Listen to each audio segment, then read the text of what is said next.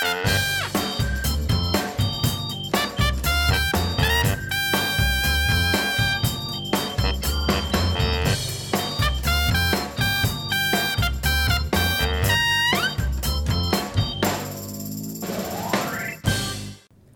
Halsema ligt onder vuur. Antiracisme demonstranten staan op. En Jezus komt binnen 15 jaar terug als het aan Orlando Bottomblij ligt. Kortom, reden om bij te praten in de CIP-podcast. Wat een bond gezelschap noem je daar. Ja, Maar zeker. wel allemaal Amsterdam geloof ik hè. Bottomblij, Halsema. Nu je het zegt, ja. Dus dan blijkt dat toch maar weer dat uiteindelijk het in Amsterdam toch wel gebeurt allemaal, hè? Ja, nee, ik ga me niet uit mijn tent laten lopen hier. We hebben het hier over de een jongen uit de provincie, hè? Patrick jongen Simons. uit, kijk, oh, gelijk die randstedelijke arrogantie alweer. ik ben er nu alweer moe van. Maar gelukkig eh, maken wij een podcast voor Amsterdammers en mensen uit de provincie. Want Ja. wij verbinden elke week in de podcast. Maar niet alles, behalve Amsterdam, is mensen uit de provincie hè. Wat bedoel Ja, je? jullie doen nou net alsof je Amsterdam hebt en mensen uit de provincie. Ja, in de, in de, in de framing wordt natuurlijk Ja, wel in zo hun, gezegd. in hun wereld, ja. Ja. Maar in hun wereld mag je ook gewoon met 10.000 mensen op een plein gaan staan demonstreren. ja, Dus ja, dat is nee, sowieso een wereld met eigen regels en wetten. en daar gaan we het natuurlijk ook over hebben in de podcast, hè? uiteraard. over die demonstratie. Daar is heel wat eh, over gezegd en geschreven.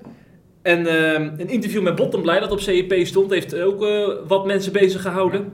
Hij heeft weer eens geroepen dat Jezus binnenkort Ja. terugkomt. Is ook niet de eerste keer. Nee, hè? dat doet hij ook om de Nee. zoveel jaar. Ja, ja, eigenlijk wordt het al 2000 jaar geroepen natuurlijk, niet alleen de bottenblij. Ja. Maar goed, daar gaan we het zo inderdaad nog over hebben. En we gaan het ook hebben over de reformatorische gezinten. Daar is een onderzoek geweest over kerksen in coronatijd. Ja, En daar zijn wat opvallende uitkomsten te melden. nou. Dus eh, als mensen zelf weglopen, dan snap ik het niet meer. Nee, ik wou zeggen ja. Blijf vooral luisteren. En vooral naar de ergernis van de week.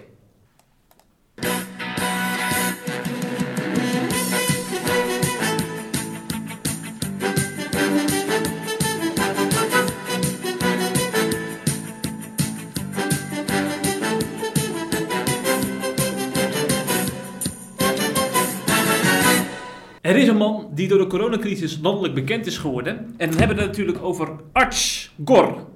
Ik zeg bewust Arts Gor, want zijn achternaam is voor mij te ingewikkeld om uit te spreken. Maar dan weet Nederland wel waar het over gaat. Ja, die sympathieke arts. Hoe kan die nou bij de ergernis van de week terechtkomen? Ja, dat is inderdaad een goede vraag voor jou, ja. Want hij is natuurlijk wel eh, inmiddels eh, zo geliefd. Dat als hij zeg maar in beeld komt, dat mensen spontaan eh tranen in de ogen krijgen en in de handen klappen. Ja, ja.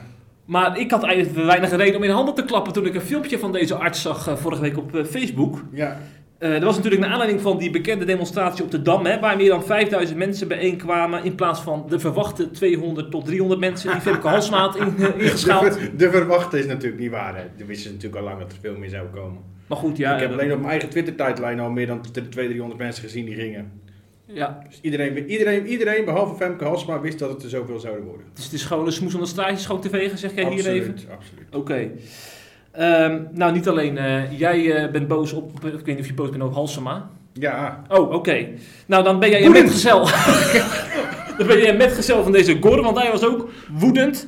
Hij heeft een vijf minuten eh, durend filmpje opgenomen op Facebook. Die trouwens van Facebook is verdwenen, gek genoeg. nou verdwenen, die heeft hij verwijderd toch zelf? Ja, dat, ja, dat moet toch wel, want ik denk niet dat Facebook ingrijpt. Nee, dat denk Dit ik soort ook dingen. niet. Dat denk ik ook Maar goed, dat is, helaas kunnen we dus geen fragment laten horen. Maar daarin eh, eh, reageert hij zich behoorlijk af op burgemeester Halsema. Hij zegt daarin onder andere dat burgemeester Halsema wil dat er een tweede coronagolf komt. En eh, juist op dit moment dat zorgmedewerkers moe gestreden zijn, is dat niet gepast. En dan gaat hij natuurlijk helemaal daarop door hè, dat, eh, dat er in Amsterdam helemaal geen rekening wordt gehouden met zijn beroepsgroep. Omdat ze daar op hutje-mutje op elkaar zaten te demonstreren. Ja. Ja, eerlijk gezegd, normaal gesproken deel je gewoon blind zo'n video. Want eh, iedereen is denk ik wel verontwaardigd als je dan die, die drukke dam ziet staan. Maar ik ben er later nog eens over na gaan denken, ook na dat interview met Femke Halsema. En op een gegeven moment gingen wij gedachten naar 2012. Toen deed eh Gor mee aan het programma Premier Gezocht. Die dat programma trouwens ook heeft gewonnen. En Patrick, in mijn ogen eh, heb je pas recht op zo'n prijs als toekomstig premier. De, best, de beste toekomstig premier van Nederland. Want er waren natuurlijk allemaal jonge gasten die dat eh, als droombaan hebben. Ja.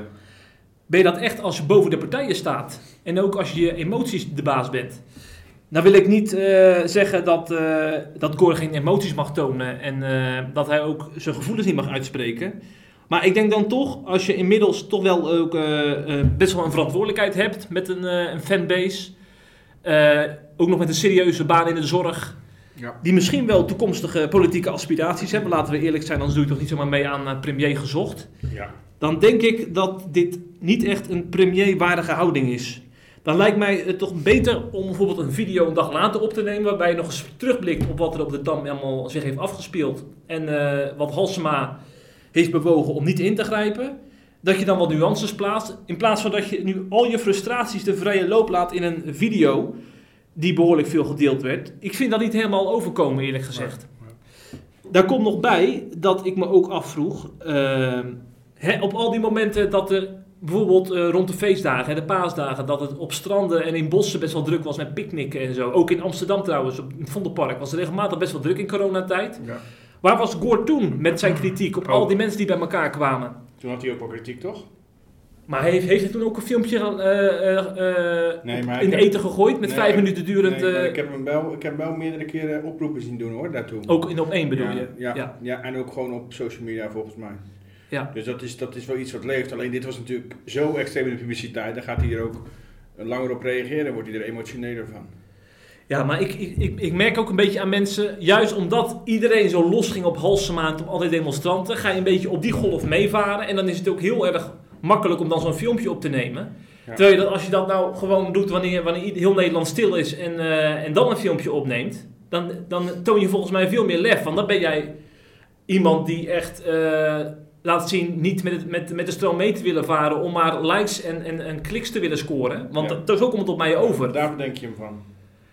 Nou, ehm, ik kan natuurlijk niet in het hoofd van Gore kijken. Wat ik, wat ik wel kan zien, is dat heel veel, heel veel mensen die dag, hè, zeg maar die tweede Pinksterdag, gewoon heel veel hebben geroepen. Zonder zich te verdiepen in de argumenten van Femke Halsema en, en eh, wat er Ja. allemaal bij komt Ja. kijken bij zo'n beslissing. Want het, is, het is nogal een verantwoordelijkheid burgemeester van een stad zijn. Ja. En Gore zie je dat niet zomaar doen. Welk argument? De demonstratie was te belangrijk om af te breken. Want dat was het argument wat ze Ja. zelf gaf namelijk. Ja, maar weet je wat mijn punt is, Patrick? Ja, weet het. Je kunt ook even de reactie van Femke Halsema af, afwachten en dan een video plaatsen. Ja. Dan, dan heb je ook wat meer nuances. Ja, maar je moet het ook vanuit zijn perspectief zien. Kijk, hij heeft mensen zien strijden, hij heeft eenzaamheid gezien, hij, Ja. heeft, hij heeft dood, de dood gezien, letterlijk.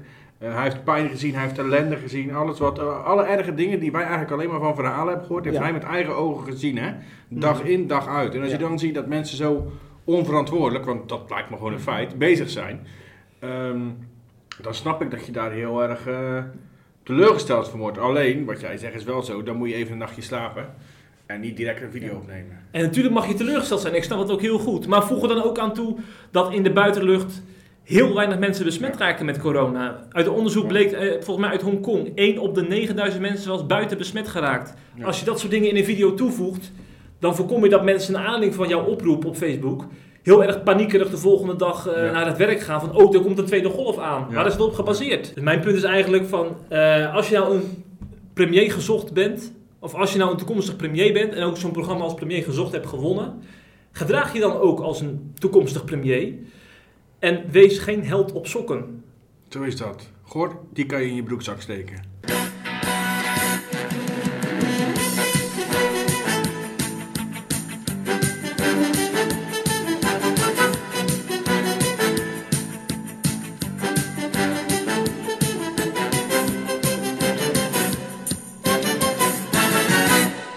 Ja, ik heb natuurlijk ook een ergernis, beste Jeffrey. Ehm, en dat zijn eigenlijk een gedeelte van onze eigen lezers. Moet ik eerlijk zeggen, of van onze eigen lezers.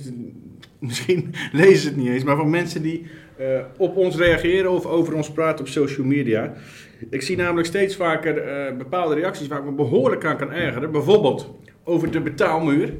Eh, zoals je weet hebben wij eh, een, een gratis gedeelte op de website, maar ook een gedeelte waar je voor moet betalen, waar je abonnee voor moet zijn. Hè. SIP Plus abonnee. Mensen die het nog niet zijn, wordt het vooral.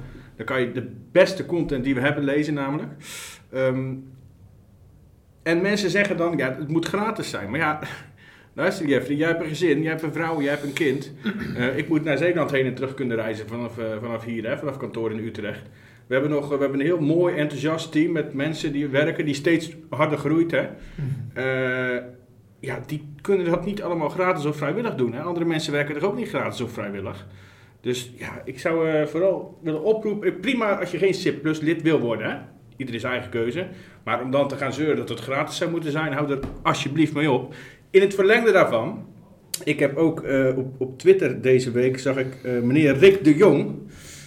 Die ken je ook wel, denk ik. Ja, Dat is een ontzettend pedant mannetje, laat ik het maar even zo zeggen. Die eh, altijd iedereen en zijn moeder de maat neemt. Eh, behalve zichzelf. En als je kritiek op hemzelf hebt, dan word je vrij snel geblokt. Heb ik zelf ervaren. Ehm, overigens heet hij geen Rick. Hij heet in het echte leven heet hij Ari. Maar op social media en heel veel dingen staat hij bekend als Rick. Volgens mij heet hij Ari trouwens, weet ik niet zeker. Maar enfin, wat is er aan de hand? Die had ook weer eens kritiek op SIP. Dat is niet de eerste keer. Die heeft behoorlijk vaak... eh, hij zegt niets met ons te hebben, maar toch reageert hij heel vaak op SIP, zeg maar. Ja. En dan altijd negatief. En nu eh tweette hij, voor de kerk schaam ik me niet, maar een abonnement op SIP zou ik verzwijgen op de werkvloer. Daar heb ik me enorm aan geërgerd. Ik snap, ik snap gewoon niet waarom je dat dan elke keer moet gaan zeggen. Kijk, ik heb genoeg media, ehm, kranten, tijdschriften, waar ik helemaal niks mee heb, of zelfs een hekel aan kan hebben. Maar dat lees ik dus niet. Dan ga je ook niet op Twitter lopen zeggen dat je Daar dat denk leest. ik zo, het liefst zo weinig mogelijk over na. Daar praat ik het liefst zo weinig mogelijk over. Maar dan ga ik er ook niet over lopen posten op social media, weet je wel. Dus de, ja, er zit bij de jongen waarschijnlijk iets van frustratie. Ja. Ik zou niet weten wat. Ik kom het wel een keer uitleggen, zou ik zeggen. Maar dat zal hij wel niet doen. Ja. Ehm, En, en als je dan zo'n frustratie over het medium he- hebt, dan is het vaak een aanleiding voor. Hè? Maar bij hem was het volgens mij niet eens een directe aanleiding van een artikel of Nee, zo. Of nee, een uitspraak nee. van een dominee, weet ik veel wat. nee, nee, ik denk dat het van vroeger nog een beetje is. Ja. Ja, het is echt zo'n zo, zo pedante VVD'er is het. Ik weet niet of hij nu nog VVD is, vroeger wel. Hij, zat, eh, hij is vroeger wel eens een op, opspraak geraakt overigens, toen hij ehm, als, jonge, als jonge libertariër zou ik bijna zeggen, als jonge VVD'er, ehm toen ging hij bij een, eh, bij een eh, bijeenkomst zitten naast twee van die enorme haatbaarden, van die haatimams, weet je wel, die, die Oh. echt van die haatpredikers waren. Ja. Ehm, als homoseksueel, heel, heel vreemd. En als VVD'er, hè? Hm. Vrijheid, blijheid, liberaal. En daar werd geld bij ingezameld bij die bijeenkomst voor een, een, een, een salafistische moskee. Heel raar. En daar zat hij bij. Ik heb dat wel eens tegen hem gezegd. Toen werd ik direct geblokkeerd, trouwens. Dus dan kan je zien, eh, hij wil alles zeggen, maar je mag niks over hem zeggen. Maar goed, en hem heb ik me dus ook heel, heel erg zitten ergeren. Dus, eh, ehm, ja, joh, eh, kom het een keer uitleggen, zou ik zeggen. En als je dat tegen ons hebt, prima. En als je het elke keer wil vertellen, ook prima. Maar ik snap het nut er niet zo van in. Hm, hm. Helder. We hebben het dus gehad al over die demonstratie, eh, Patrick, zojuist in, eh, op de Dam. En daar ging natuurlijk heel wat aan vooraf. Hè? Eh, dat was natuurlijk de moord op George Floyd. Inmiddels wel echt een bekendheid. Ja, Want heel de wereld zat zo'n beetje op de kop door de moord op Floyd.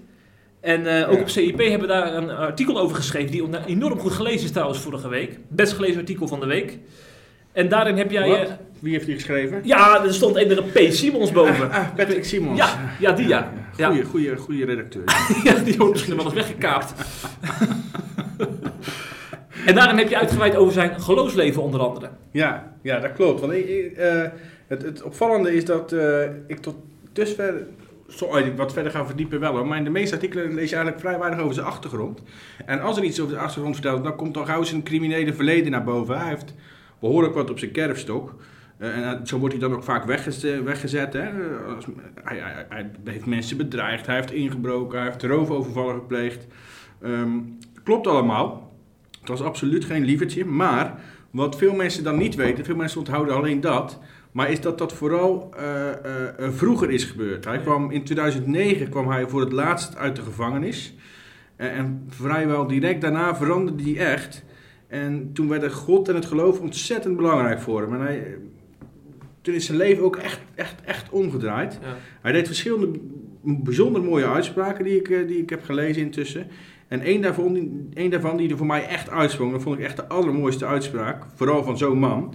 Dat was, en ik citeer, wat er ook gebeurt, we gebruiken onze handen alleen om te bidden, niet om te vechten. Nou, dat heeft mij wel echt geraakt, want kijk, iemand die vroeger geen lievertje was, die veel ge- geweld heeft gebruikt, die veel mensen pijn heeft gedaan met die handen, hè, met diezelfde handen, dat hij juist nu, hij zegt, die handen zijn bedoeld om te bidden. Dat, dat, vechten doen we niet meer. Ik zou bijna zeggen, beter is een verandering niet zichtbaar.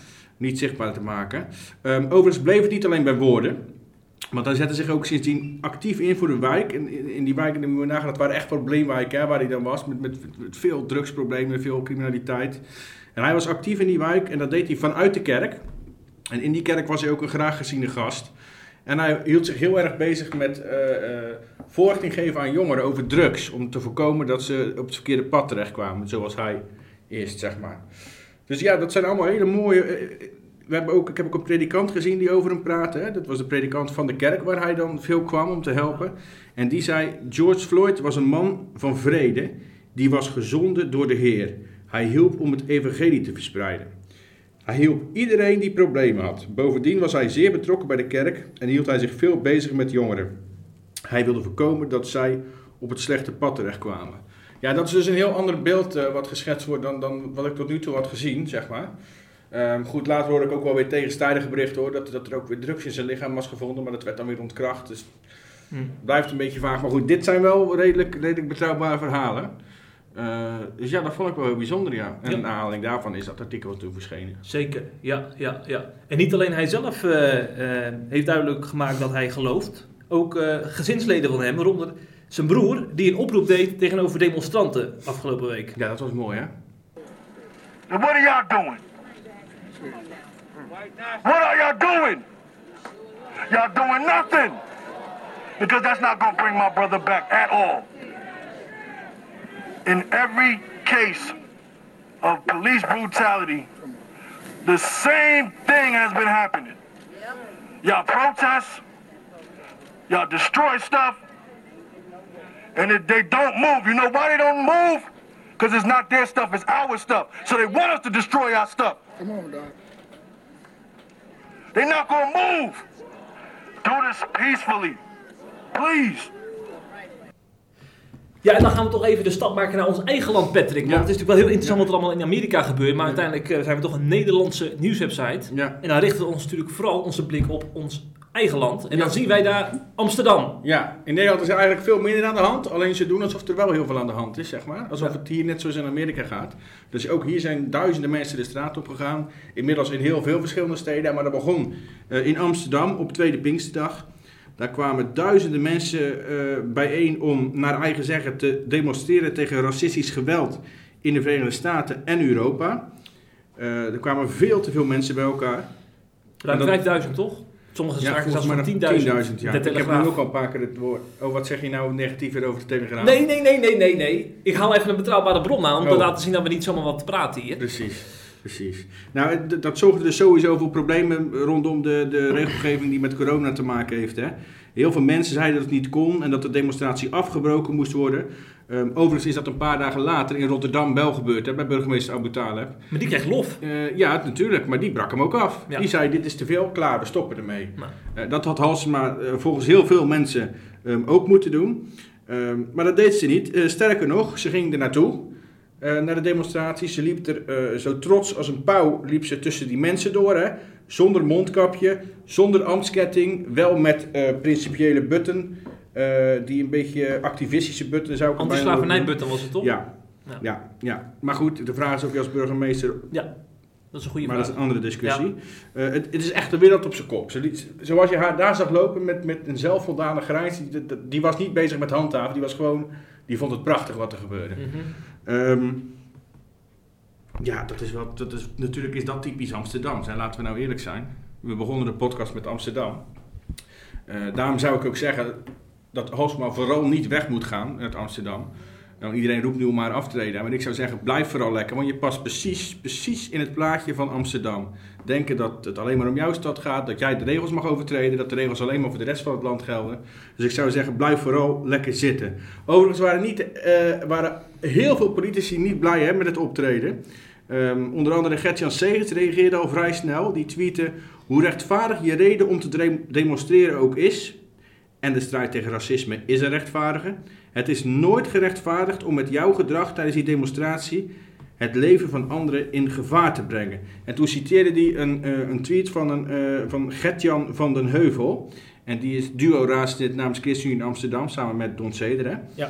Ehm, en die zag het ook helemaal fout gaan in, in, hè, tijdens de demonstratie. Die maakt zich echt zorgen, onder andere omdat zijn vrouw eh, arts is op, het, op de IC.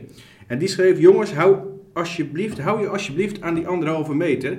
Mijn vrouw werkt vanavond weer als arts op de IC. Voor haar en haar collega's stonden wij met z'n allen onlangs nog te klappen. De afgelopen weken hebben zij zoveel pijn en verdriet gezien. En die diepe ellende wil niemand over twee weken opnieuw. Nou, Halsema die, eh, die, die werd kort eigenlijk de, op de dag zelf al gevraagd eh, waarom ze de demonstratie niet gestopt had. Hè, tegenover, door AT5, dacht ik. Eh, en toen zei ze, eh, ik vind de demonstratie te belangrijk om te stoppen. Wat heel vreemd is, want de burgemeester gaat natuurlijk helemaal niet over de inhoud, maar over de procedure. Ehm, dat vond Van der Staaij, Kees van der Staaij van de SGP ook heel raar. Die vond het onacceptabel zelfs. Hij zei, on, hij schreef op Twitter, ongehoord dat dit geaccepteerd wordt. Sinds wanneer is het een grondwettelijk criterium of een demonstratie te belangrijk is om te verbieden? Erg glad ijs. En dan heb ik nog een reactie vers van de pers. Ik blijf maar praten, hè. je kan net zo goed weggaan.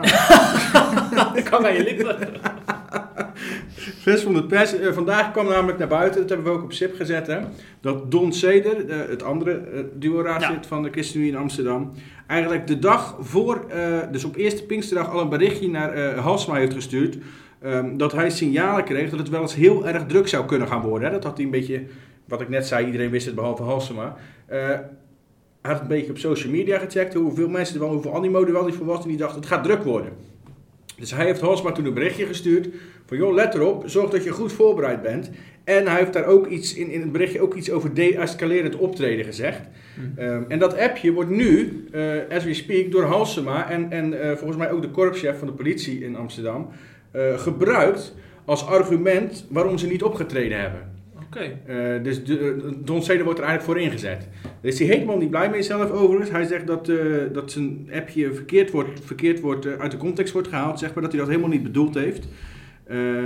Eh, dus ik denk dat dat nog wel een gevolg, een gevolg gaat krijgen. Ja, ja. En voordat we worden beschuldigd van Halsema-bashing, ook even haar reactie vanuit het- de talkshow op 1, waar zij vorige week de gast was. Op het moment dat je je voorbereidt op een, de- op een demonstratie waar duizend tot tienduizend mensen aan deel kunnen nemen, dan eh, heb je je dranghekken klaarstaan. Staat je politieapparaat in het gelid klaar om op een vreedzame manier dat te begeleiden en de darm, dam af te scheiden. Dat was in dit geval niet gebeurd, omdat daar geen aanwijzing voor was. Dus toen tijdens de demonstratie dit kwam, heb ik wel eh, geïnformeerd. Heb ik wel gezegd, ik denk dat dit een moeilijk verhaal wordt. Maar heel simpel, dan- maar had u niet op, gewoon op een gegeven moment moeten zeggen... we grijpen in? Nou, dat, probeer, dat probeerde ik te zeggen. Kijk, ehm, we hadden, laten we zeggen, de gewone politie en de dranghekken daar niet voor geprepareerd, omdat we dat niet verwachten. Hè. Dan kun je het op een normale en zachtaardige manier wegleiden. Ja. De enige manier waarop we hadden kunnen ingrijpen, dat is op een hele harde en gewelddadige manier.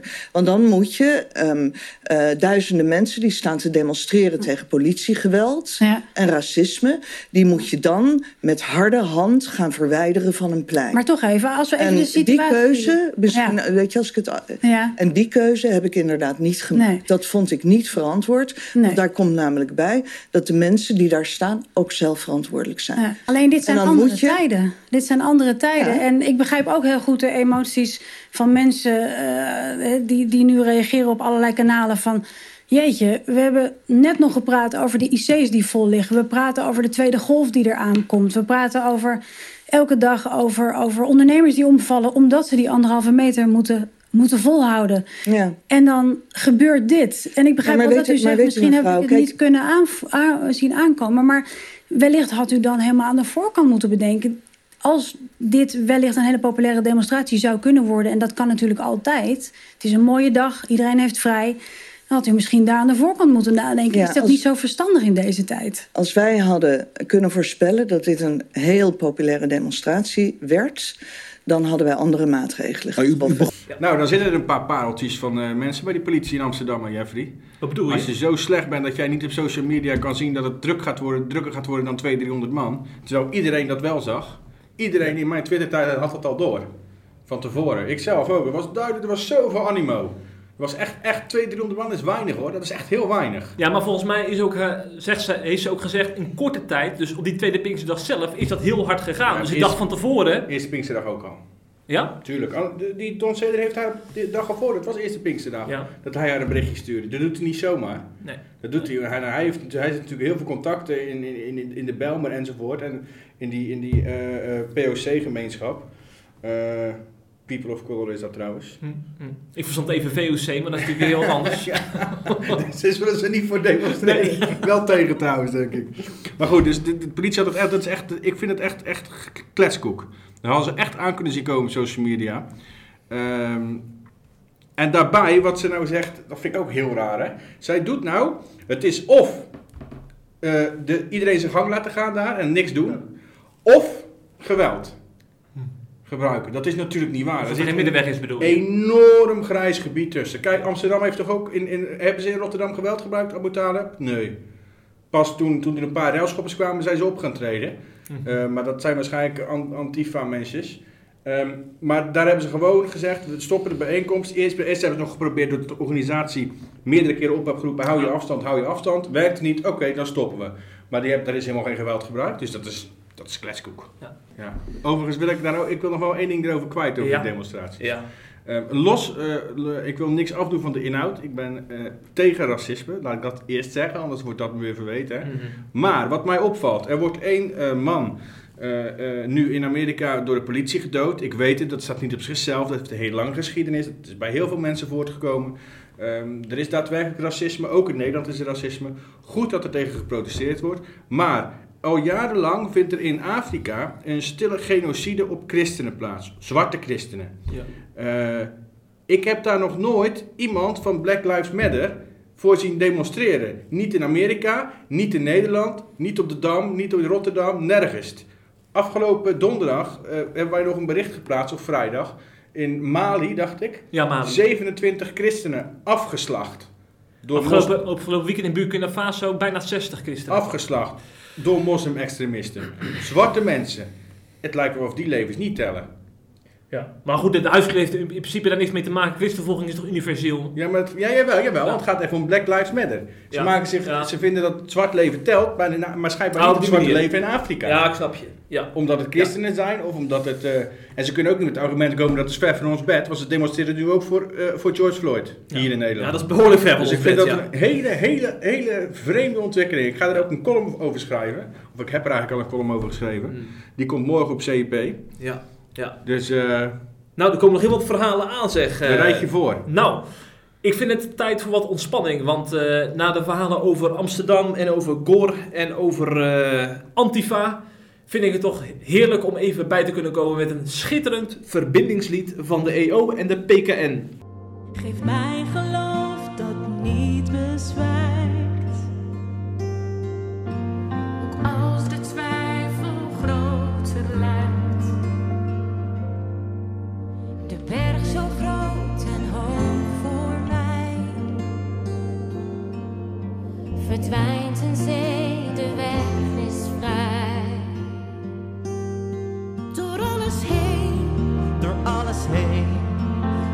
Kijk ik naar u. Door alles heen, door alles heen,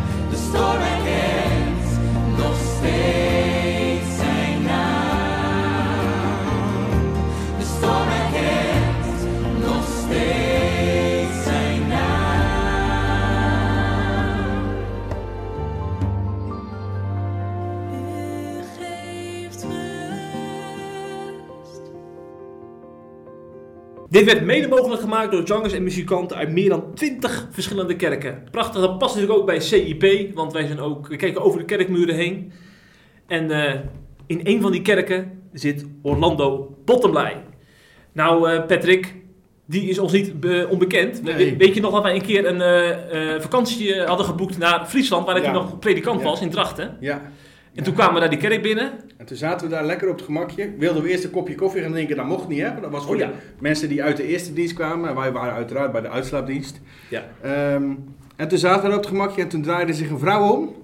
Nee, het was een man volgens Of mij. een man, het was een Ja. man, het was een man. Hè, ik denk, ik, ik, maak hem even, ik maak hem even anoniem, maar goed. en die man die zegt tegen ons, jullie hebben wel pech, want hij, hij is er vandaag niet. Ja. En wij dachten, wie is die hij dan? Ja. En dat was dus Orlando Bottomblij. En hij vertelde vol enthousiasme dat mensen uit het hele land naar die Friese kerk kwamen om naar Orlando Bottomblij te luisteren. En toen vertelde ik hem, ja sorry, maar wij komen voor Jezus. Ja. ja. En toen draaide hij zich enigszins teleurgesteld om. om even het, te schetsen hoe populair Orlando Bottomblij is. Ja, ja. Want dat was natuurlijk nog zijn drachtenperiode. Ja. Eh, dus daar eh, is hij een kerk begonnen waar op een gegeven moment meer dan 4000 mensen naartoe gingen. Ja. En inmiddels actief in een baptistengemeente in Amsterdam. Die ook enorm gegroeid is, hè? sindsdien? Ja, ja. zeker. En ehm, vorige week verscheen op CIP een interview met deze Orlando Bottomblij. Niet over zijn kerk in Amsterdam, maar over de eindtijd. Eh, want Bottomblij is ook gefascineerd door de wederkomst. Al jaren eh, leest hij hier veel over, doet hij er onderzoek naar. En naar aanleiding van de coronacrisis kreeg hij heel veel berichtjes eh, binnen in zijn mailbox en in zijn telefoon. Van mensen die vroegen, hey Orlando, heeft deze coronacrisis eigenlijk wat met de eindtijd te maken? Nou, en Bottomblij die dacht van, nou, er zijn wel heel erg veel vragen. Laat ik nog eens extra onderzoek doen naar de eindtijdreden van Jezus in Matthäus 24. Dus hij heeft daar de afgelopen week is hij gaan duiken. En sinds vorige week eh, is er op YouTube een, eh, een, een eh, videoserie verschenen in zes delen. Dus de eerste is verschenen, de tweede komt deze week. Over corona en de eindtijd. Hij heeft het bewust wat breder getrokken. Hij spreekt over Gods masterplan. Ja. Want hij wil dat niet beperken tot, tot alleen corona. Maar de coronacrisis is voor hem wel aanleiding om het hier weer eens over te hebben. Want volgens hem heeft het alles te maken met de wederkomst. En is corona ook weer een teken dat die wederkomst aanstaande is. En ehm, trouwens, in de begintijd van corona, eh, begin maart, eind februari, waren er ook al berichten op CIP van mensen die eh, die vraag hardop stelden. Columns werden erover eh, geschreven. En we schreven ook een preekverslag over Kees van Velzen, die bij Christen voor Israël het volgende vertelde. En dan staat er, u zult horen van oorlogen en geruchten van oorlogen. U zult nu zien dat de Heer Jezus, hebben het gelezen, allerlei tekenen gaat noemen. En dan zegt hij, pas op, word niet verschrikt. U ziet onmiddellijk zijn, mag ik zo zeggen, zijn pastorale toepassing. Hij zegt onmiddellijk, ja, dit gaat gebeuren. Ge- Oorlogen en geruchten van oorlogen. Pas op, word niet verschrikt. Van, oh, wat gebeurt er nou? En dat vind ik zo belangrijk om dat tegen u te zeggen, ook als we het hebben over, nogmaals, het thema hoop, juist in deze dagen.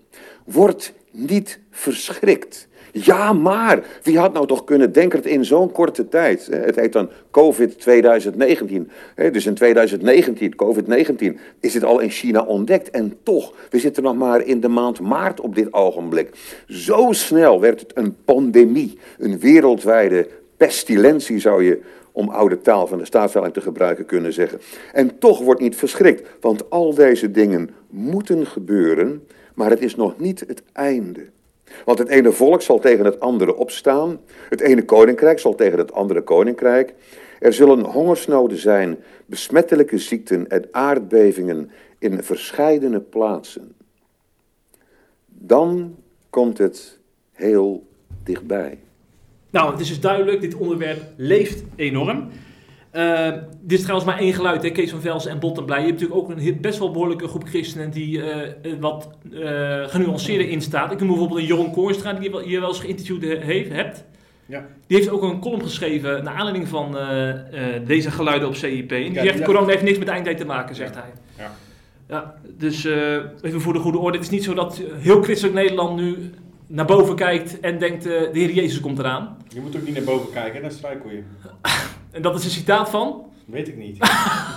Volgens mij van Van Kampen. Dominee van Kampen. Voor mij was het dominee van Kampen, ja. Die, Ja. die zei, je moet niet naar, je moet niet naar, eh, niet naar onder kijken, want dan kan, je de, dan kan je de lucht niet zien. Je moet niet naar boven kijken, want dan zie je niet waar je loopt. Ja.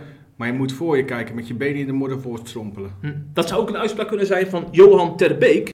Hij zegt dus in zijn eh, commentaar onder andere dat deze theologie van Bottomblij sterk leunt op een christen-zionistische visie, visie. Die is dus gebaseerd op het herstel van Israël. Hè. Israël heeft een eigen staat sinds de vorige eeuw. En Joden keren nu massaal terug naar het eh, beloofde land. Dat is voor veel mensen reden om te geloven dat eh, de wederkomst aanstaande is. En dat noemt hij dus knip- en plakwerk. Hè. Dat plakken ze dan op Matthäus 24. En dan wordt dus gezegd, de komende generatie die gaat Jezus terug verwachten. En eh, hij neemt geen blad voor de mond op Twitter. Hij spreekt ook van een verdienmodel. Hij gelooft dus dat mensen dit soort visies ook aanhangen om een achterban eh, bij zich te houden en een fanbase eh, te creëren. En eh, Johan Terbeek heb ik even een berichtje gestuurd en die ga ik morgen bellen om zijn uitspraken toe te lichten, ook als reactie op Bottomblij. Want we willen natuurlijk niet alleen maar het geluid van Bottomblij op CIP horen, maar ook de andere kant. Zeg, dat interview waar ik net over had met Bottomblij, eh, daarin heeft hij onder andere, dat was de kop van boven het verhaal, is hij dus gezegd dat hij Jezus binnen 15 jaar eh, terug verwacht. En ehm, nou vraag ik mij af, Patrick, had hij, is het wel zo slim om dat als voorganger van de Baptistengemeente hardop te zeggen in de media? Nee, nee. Het is natuurlijk het is nooit slim, ook niet als voorganger van een andere kerk. Het is nooit slim om dat te zeggen. Ehm, simpelweg omdat je er altijd, als je geen gelijk hebt, halen, woorden, halen mensen terug. Bottenbij heeft het overigens al meer gezegd. Hè. Die heeft ook gezegd dat Jezus voor 2020 terugkwam volgens mij, of 2025. Eerder heeft hij dat gezegd. Eh, en afgelopen 2000 jaar roept, roep, roepen, hebben zoveel mensen dit geroepen. Ehm, niemand weet het. Jezus zegt zelfs dat hij het zelf niet weet. Hè? Alleen de Vader weet het wanneer hij terugkomt. Dus, dus je- je kan het wel gaan roepen, maar dat is gewoon, dat is, dat is zomaar in het luchtleden geroepen. Je kan de teken herkennen, ja, maar je kan niet zeggen binnen zoveel jaar komt hij terug. Dat is, eh, ik snap ook niet dat zo'n zo'n slimme man dat dan doet, zeg maar. Hè? Terwijl de afgelopen 2000 jaar, en volgens mij wel hebben uitgewezen, dat je dat beter niet kan roepen. Zelfs de discipelen, de eerste christenen, die leefden eigenlijk al, van, dat, dat lees je heel goed in, in, in, de, in de brieven in het Nieuwe Testament, die leefden eigenlijk ehm, vanuit de verwachting dat Zeker. elk moment Jezus Ja. terug zou komen. Hè? Elk moment. Misschien nog wel meer dan wij tegenwoordig. Hè? Op, op, op mensen uh, vanaf het zoeklicht bijvoorbeeld na, maar eh, over het algemeen zeg maar. Wat overigens misschien helemaal niet zo verkeerd is hoor, om die verwachting te leven. Maar die dachten al, Jezus komt nu snel terug. En ja, en dat, is, dat gaat nu al 2000 jaar zo. Maar Bottomblij zegt vervolgens, iemand als Paulus of Petrus, die wist niet dat, we, dat er nog een smartphone-generatie zou aankomen. Waarbij je in één klik, of je nou in Afrika of Azië woont, dadelijk een Bijbel in je eigen taal hebt. Ja. En die ontwikkeling gaat de laatste tien jaar zo ontzettend snel. Dat wist Paulus helemaal dat niet. Dus, ja, maar hij weet ook niet wat voor generatie er nog gaat aankomen. Misschien komt er nog wel een, eh, een generatie aan waarmee je met één klik in Afrika staat. Ja. ja, maar ik bedoel, het is natuurlijk niet zo dat, eh, dat er nog allemaal nieuwe talen gaan ontstaan. Ik bedoel, uite- uiteindelijk, je kunt ook nameten dat er heel veel, in heel veel talen Bijbels zijn verschenen en zendelingen zijn uitgezonden naar weet ik niet allemaal op Ja. veel plekken. Ja. In, in zijn tijd was de wereld veel kleiner in de tijd van Paulus. Ja, ja, ja, ja, ja. maar Nu- je ziet zelf je ziet wel een ontwikkeling dat eh, in landen waar het evangelie heel vroeg al kwam, zoals Nederland bijvoorbeeld, steeds meer verdwijnt. Dus dan zou je weer kunnen zeggen, Nederland wordt weer zendingsgebied. Ja, ja nee, Daar groeit nu, groeit nu een hele generatie Die op niet weet wie Jezus die is. niet weet wie Jezus is. Ja. Ja. Dus, dus zeg het maar, ja, dat is net hoe, ja, Ja. daar kan je ook alle kanten mee op. Het is gewoon, wij kunnen er niets over, over zeggen. Jezus zegt zelf, niemand weet die dag of die uren. Hm. En hij zegt er niet bij behalve Bottenblij, hij zegt erbij behalve de Vader. Ja. Hij, hij heeft geen uur of dag gezegd, hè, Bottomblij in het interview. Nee, ja dan, oké, maar dat bedoelt hij natuurlijk ook. Ja. Wat is dit nou toch? Dan denk ik, ja, jij, bedoelt- jij, jij bedoelt, hij, Jezus bedoelt het precieze uur. Nou ja, ik vind het nog wel een verschil als je, zoals die Amerikaanse welvaartsevangelisten, als zij zeggen 12 mei 2008, of dat je zegt onge- ongeveer over 15 jaar of binnen 15 jaar. Dat vind ik nog wel een verschil als je dat zegt. Ja, ik snap überhaupt niet waarom je het zegt. Ja, nee ja. Ook trouwens, eh, we, we moeten het wel even toevoegen. Bottomblij, voor de mensen die hem niet kennen, die zegt dit volgens mij echt wel heel erg uit overenthousiasme. Want als je hem over de eindtijd en over Jezus wil praten, dan merk je gewoon een enorm verlangen naar de Ja, wederkomst. En, ja. naar- en ik denk in zijn overenthousiasme dat hij dan inderdaad zegt van, ik ga het meemaken. Ik ga het meemaken. Ik Ja, denk en, het ook. Ik denk dat ook. En, en als je dan, ja, hij is natuurlijk ook geen 18 meer. Is- ja, dan moet je ook wel zeggen binnen 15 jaar. Oké. ja, dat is waar. Ja. Maar ik denk inderdaad dat je gelijk hebt. Het is niet iemand die, eh, zoals wat jij zegt, van die Amerikaanse eindtijdprofeten, die een sector om zich heen verzamelen en in een kelder gaan zitten omdat, Jezus, omdat de wederkomst er is. Ja. Het is. Ik denk wel dat je gelijk hebt. Het is, het is niet kwaadwillend of zo. Nee, nee. nee. Helemaal niet. Nog wel even interessant om er trouwens in te duiken. Want je had het net al over eerdere uitspraken van Bottenblij in het verleden. Hè? En dat is inderdaad waar. Hij heeft zich heel vaak al uitgesproken hierover. In 2005 begon het al. Toen zei hij dat hij verwachtte dat het binnen 50 tot 75 jaar zou plaatsvinden. Dat was nog best ruim. Hè? Die marge is veiliger, ja. Ja, dat was een hele veilige marge. Maar toen blijkbaar is toen zijn enthousiasme toegenomen. Want in 2008, toen eh, sprak hij bij X-Noise Flevo. Dat is, dat is trouwens... eh, Oh. Dat was echt mooi. Ja, ja, vond je dat? Nou, ik vond dat... dat, dat, dat- ik, ik mis dat wel. Dat zijn echt van die festivals waarbij je... Eh, Harry, man. Ja, Harry wel, Harry wel. Harry. Maar dan had je echt wel het idee van... het christendom leeft, weet je wel. Zo'n festival was Ja, het. ja, ja. Ja. Ja. Maar goed, dat is er nou niet meer. Nee. Daar heeft hij dus hardop uitgesproken dat hij inderdaad eh, verwacht het mee te maken. Dus dan zie je al dat hij van die e- eerdere termijn eh, terugkomt, hè, van 50 tot 75 jaar.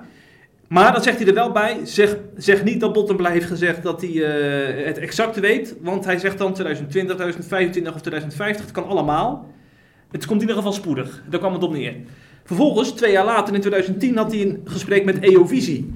En toen sprak hij uit dat hij verwacht dat Jezus binnen pakweg 25 jaar terugkomt. Ja, dat klopt wel. Want nu is het... we zijn nu 10 jaar verder en nu zegt hij 15 jaar. Dus daar komt daar wel precies mee overeen. Nou ja, wat dan wel opvalt, eh, toen zei hij dat in in 2010 zei hij 25 jaar, dus dan is het 2025, hè? verwacht je dan ongeveer. Eigenlijk verruimt hij nu weer een beetje zijn Nee, deadline. nee, nee, nee, nee. 2010, 25 jaar, dan kom je op 2035. Oh ja, Dus dat is 2035, net- je hebt gelijk. Dus nu zegt hij 15. Ja, nee, dan is Dus hij dan toch consequent. Ja, dan gaat Ja. hij over 5 jaar, zegt hij 10 jaar. Ja, En je over hebt 10 heel jaar zegt hij gelijk. 5 jaar. Maar ja, dan komt het wel heel dichtbij Ja. op het duur. En dan, dan moet hij... eh, Overigens, in Neovisie heeft hij wel vijf uitgebreide argumenten gegeven. Dus het is niet zomaar een losse folder geweest. Hij heeft het ook wel ergens op gebaseerd. Maar goed, het gaan, die argumenten gaan we niet, niet allemaal behandelen nu. Maar het is, het is wel leuk om zo'n tijdlijn eens achter elkaar te zien. Hè? Hoe, hoe iemand dan van tot over 75 jaar komt Ja. naar 2035. ja. Het is vooral inderdaad, wat jij zei al hoor, zijn eigen, denk ik, Ja. zijn eigen enthousiasme. Ja. En dat Ja. is alleen maar mooi toch, als je zo, dat, je, als je- dat je zo enthousiast bent om je, Ja. Om je Heer en je Heiland weer te ontmoeten. Is ook zo. Daar kunnen we wel van leren, van deze bottenblij. Heel, veel- ik wel in ieder geval. Ja, ja, ja. Misschien is het ook wel eens eh, leuk als het Reformatorisch Dagblad een onderzoek doet naar eh, de eindtijdverwachting bij christenen. Ja, nou, dat, dat, dat, dat, dat werkt niet onder refo's. Nee, nee, Nee. Wat wel werkt, is kerk zijn in coronatijd. Want dat doen heel veel reformatorische christenen. Je kan van refo's zeggen wat, wat je wil, maar ze gaan niet eh, eh, in bed blijven liggen om maar lekker uit te slapen in coronatijd. Ze gaan massaal naar de online kerkdienst. En ik vind dat mooi, die trouw onder de kerkgangers. En eh, het RD is daar dus ingedoken. eh, heeft onder, volgens mij wel, eh 8300 lezers een onderzoek gedaan. 350 kerkraden eh, werkten mee. De meerderheid overigens PKN. Ik dacht zo tussen de 30 en 40 procent. Eh, het zijn natuurlijk allemaal reformatorische kerken, hè? dus het is niet zo eh, dat het een... eh, Bondsgemeentes zijn het dus bijna allemaal. ja, is niet zo dat het een algemeen beeld eh, schept over heel christelijk Nederland. Maar je hebt zo wel een indruk over hoe eh kerk zijn wordt beleefd in coronatijd. Wat is jou eigenlijk opgevallen aan het onderzoek van het RD, eh, Patrick? Nou, twee dingetjes eigenlijk. Twee dingetjes die mij opvielen, of verrasten kan ik ook wel zeggen. Het eerste was dat ruim 1 op de 3 mensen zich tijdens online uitzendingen moeilijk kan concentreren dan tijdens een gewone dienst. Dat Ja. vind ik heel opvallend, want ik, ik heb eigenlijk het tegenovergestelde. Oh ja? Als ik thuis blijf, had ik daarvoor ook al, eh, gewoon thuis een dienst volg online, dan kan ik me veel beter focussen en concentreren. Omdat ik in een kerk nu eenmaal veel meer prikkels heb om, om mij af te leiden. hè. Er zit een kindje voor je te draaien, er zit daar iemand te bewegen, er praat iemand daar, eh, er vliegt een vliegje daar. eh, snap je? Er gebeurt van alles in de kerk. Als je met 4, 5, 600 man bijeen bent, gebeurt er van alles. En als ik alleen thuis zit, dan zit ik op mijn kamer of ik zit beneden of waar dan ook, ergens alleen. En eh, eh, dan concentreer je gewoon op je laptop of op je telefoon, waar je ook op luistert. Eh, en verder heb ik weinig prikkels. Dus dat, was, dus dat vond ik eigenlijk heel opvallend. En ik zou er daarom ook wel eens met die mensen over door willen praten, die aangeven dat ze juist nu sneller afgeleid raken. Dat vind ik wel opvallend. Ik snap, ik snap eigenlijk niet goed waarom. Hm. Dat is één. Het tweede, en dat vind ik echt fantastisch, is dat ehm, eh, eh, eh, een groot aantal gemeenten, van degenen die, die, die ondervraagd zijn, hè, maar liefst 78% is sinds de coronacrisis begonnen met andere uitzendingen dan die van zondagse diensten. Oh, Zoals bijvoorbeeld door de weekse meditaties, andere bij- online bijeenkomsten. En dat vind ik echt fantastisch om te zien, omdat dat in Revenkerken soms wel eens miste vroeger. Ehm, dat, dat bij heel veel mensen toch was, en dan heb ik het met name over hervormde kerk eigenlijk op, PKR-gemeentes. ja. Ehm, zondag en dat is het. Oh ja, je? daar blijft het dan bij. Eh, ja, en dit, nu zie je dus dat ze dus veel meer, juist terwijl ze thuis blijven, gaan ze veel meer organiseren. Ik zag in de vormde Kerk in Tolen, deze, deze bijvoorbeeld, hebben ze vorige week een online quiz georganiseerd, een bijbelquiz. Oh. En dan doet de hele gemeente vanuit thuis mee, dan kan je thuis antwoorden geven. Ja. Dan zie je tussendoor een ranglijst wie de meeste goed hebt enzovoort. Eh, oh, dat was wel heel grappig. Dominee Meijer staat daar. Die stond tot, eh, tot twee vragen voor het einde stijf bovenaan, of tot drie vragen. En toen zakte hij ineens naar de derde plek. Dus ik heb lichte vermoedens dat hij expres vragen fout heeft beantwoord. Omdat hij niet als dominee bovenaan wilde eindigen bij die quiz. Eh, overigens, over die Meijer gesproken. Die deed ook, dat vond, ik ook heel mooi. Dat was ook zo'n door de weekse uitzending. Ehm daar hield hij een, een soort meditatie, elke kleine stukjes. Eh, van, te praten die twee, drie minuten en dan daarna liet ze een klassiek lied horen, wat, wat eh, klassieke muziek, hè, wat dan bij, die, bij dat onderwerp hoorde. En zo hadden ze een hele uitzending in elkaar geknutseld. Dus elke woensdag was dat, dus het duurt een uurtje of zo. En zulke initiatieven zie je dus steeds meer in, in, in vooral Revelkerken. Dat, dat blijkt dus ook uit het onderzoek en dat vind ik echt prachtig om te zien. Hm, hm, zeker. En jij? Ja, wat mij is opgevallen aan het onderzoek, ehm, ja, is vooral ook, eh, zijn ook de gegevens over eh, de na-corona-periode. hè. Want we moeten natuurlijk niet alleen bezig zijn met hoe we nou op de crisis reageren in dit tijdperk, maar er komt ook nog een tijdperk na corona. Ja, dat is wel te hopen? Ja, dat is inderdaad te hopen. Ja, weet je niet. Nee, nee. Maar goed, eh, er zijn wel wat kerkraden die zich daarover hebben uitgesproken. Zo geeft 20% aan dat ze ook na de crisis door willen gaan met beelduitzendingen. En ik vind het eigenlijk wel laag, 20%. Want je zou denken, beelduitzendingen, nu heb je het allemaal ontdekt. Hè? Je hoort ook heel veel mensen die dat nu echt helemaal geweldig vinden. Maar je ziet de dominee staan in plaats van dat je alleen een kerktelefoon hebt. Maar 20% is nu nog maar zeker van het feit als, dat, ze, dat ze doorgaan na de crisis. Dat vind ik best wel laag. Ja. ja, ze zien het toch als een soort noodgreep, denk ik. Hè, Een noodgreep Je inderdaad. moet, je moet niet vergeten dat dit Revo, dit alleen maar Revo's zijn onderzoeken. Jawel, ja klopt. Dus daarin Klopt. zijn er natuurlijk heel veel Ja. die gewoon denken, het is nu echt noodzakelijk. Ja. En straks gaan we ermee stoppen. En ik denk dat het belangrijkste argument nog niet eens is omdat het fout is. Hmm. Maar omdat ze bang zijn dat ze het dan mensen te comfortabel maken om thuis te blijven. Ja, ja, ja. Snap je? Dus dan denken ze, als we het nou zo mooi gaan maken met beeld, dan denken heel veel mensen, ja waar zou ik nog gaan joh? Ik kan het prima zien thuis. Ja. En dat willen ze voorkomen. Denk ik, dat weet ik niet, maar dat denk ik. Mhm. Ja, er staat ook nog bij dat eh, van de kerken die geen blijvende veranderingen verwacht, dus dat het gewoon het oude normaal dadelijk weer op gang komt, dat 8% sowieso niet doorgaan met beeld. En 4% geeft aan dat na de crisis de uitzendingen weer besloten zullen zijn. Dus gewoon voor de eigen gemeente. Maar ja, over wat je net zegt, Patrick. eh, ik moet dan ook wel denken aan mensen die bijvoorbeeld thuis oppassen bij de tweede dienst, bijvoorbeeld op de kinderen. Hè? Dan zie je vaak dat bijvoorbeeld de, de, de moeder bij de tweede dienst eh, aanwezig is en dat de vader dan met de kinderen thuis blijft. Omdat hij bijvoorbeeld al s ochtends is geweest. Dan denk ik, dan is het toch juist goed voor, voor die mensen om ook eh, op beeld uit te zenden. Want dan, ik denk dat je daardoor ook die mensen ook bij zo'n tweede dienst blijft betrekken. Dat ze dan niet zoiets hebben van, oh, ik heb aan één dienst wel genoeg. Dus dat, juist, dat je juist leert omdenken door juist die, die kerkgang in de woonkamer te versterken. Jij, jij bent het niet met me eens. Ik, hoezo? Ik zeg helemaal niks. Nee, Je zit een beetje eh, verbaasd te kijken. Nee, ik ben aan het nadenken. Ik, ik vraag me af. eh, eh, ja, ik ben het op zich wel met je eens. Alleen vraag ik me af hoe dat in de praktijk gaat. Kijk, als een vader thuis blijft met de kinderen bij die tweede dienst, wat jij schetst, Ja, dan betekent dat dus dat die kinderen waarschijnlijk ook rond die tijd naar bed zullen moeten. ja, dat is waar. Dus dan is ja. de vader echt niet bezig met de kerkdienst, is hij bezig met die kinderen op bed te krijgen. Dat is trouwens een enorme worsteling hoor. Dat online kerk zijn combineren met, met een kind op bed leggen. Ja, ja, ja. Vertel het eens. dan denk je dus, binnen 10 minuten ligt hij op bed. Ik ga zo weer eh, die preek beluisteren. Maar dan wordt het dus een half uur la- langer. En dan is de preek al bezig. Dus Ja. dan denk je, laat heel die kerkdienst maar zitten, denk je dan. Ja, precies. Ja. En je zit een minuut terug te betogen dat het wel moet. Wat is het nou, uh, Jeffrey? Nee, maar ik, je moet het brede plaatje zien. Ik denk natuurlijk Oh ook ja, aan bijvoorbeeld mensen die bijvoorbeeld in de zorg werken. Die hebben dan bijvoorbeeld zondagochtend gewerkt. En eh, die hebben geen kracht meer om bijvoorbeeld eh, naar de dienst te gaan de rest van de dag. Die dat dan ook lekker met een, zak chips nog naar de, naar de dominee luisteren s'avonds. Ja, je hebt gelijk. Ja. Dat denk ik. ja. Nee, ik vind het met sowieso met je eens hoor. Maar eh, ja, ja. Nou, het verbaast me vooral dat sommige kerkenraden nu, nu al, hè, dat 8% nu al zeker weet, we gaan het niet doen. Ik denk van, laat het, laat het even bezinken, ga het bespreken met, met mensen die, die, die helemaal enthousiast zijn over, over, die, over beelduitzendingen. Maar, Want dadelijk eh, heb je dadelijk weer discussie met mensen die, die het er niet mee eens zijn. Ik bedoel, ja, dan maakt het weer onnodig moeilijk voor jezelf als kerk. ja, voor sommige mensen wordt het natuurlijk wennen hè, om straks weer naar de kerktelefoon te gaan luisteren in plek van beeld. Ja, ook dat nog, die overgang, ja. Ja, ja. Trouwens, het verlangen naar de kerk neemt enorm toe. Ook onder de mensen die van de online diensten genieten.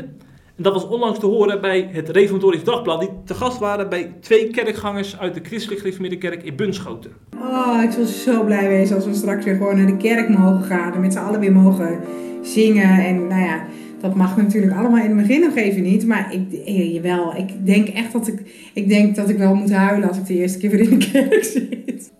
Wij hebben echt iets heel waardevols. En dat besef ik nu steeds meer. Want als ik dan al die angst in, in het journaal zie, dan denk ik, oh jongens, wat een, wat een leed en, en wat een verschrikking. Maar ook wat een uitzichtloosheid. En wij hebben gewoon het mooiste uitzicht dat er is. En ik sluit me helemaal aan bij deze mevrouw uit de Christelijk Gereformeerde Kerk in Bunschoten. Ook ik verlang weer naar de fys- fysieke kerk, om dadelijk iedereen weer een huk te kunnen geven. Ik hoop dat we dat snel weer kunnen Een doen. huk Patrick. ook. Een huk, daar verlang ik naar, ja. Anderhalve meter. Nou, dat gaat ook weer een keer verdwijnen. Ik hoop het niet. Jij denkt dat we voor goed de anderhalve meter kerk moeten vormen? Nee, ik zeg ik hoop het niet. Oké. Lijkt me, ik vind het heerlijk, geen fysiek contact. We hadden al de gehuk van waar jij het over hebt. Bah. Ook het Amerika komen overwaaien, Ja, heb ik als een ja. professor horen vertellen. Zo'n Amerikaanse trend, ja. Ja. Professor van Rossum. het, vrees- het meest vreselijke exportproduct van de Verenigde Staten noemt hij het. Ja, ja, klopt ja. Dat is zijn citaat. Ik hoop dat het een beetje rustig blijft in de wereld, Patrick. Dat we volgende week weer een podcast kunnen maken. Dat misschien dat er niet het gebouw in de brand staat hier. Kunnen we elkaar misschien wel een huk geven dan, hè? Ja, ja, zeker. Dan vieren we dat het allemaal eh, goed is afgelopen. Ja. En eh, wat er ook gebeurt, Altijd blijven lachen.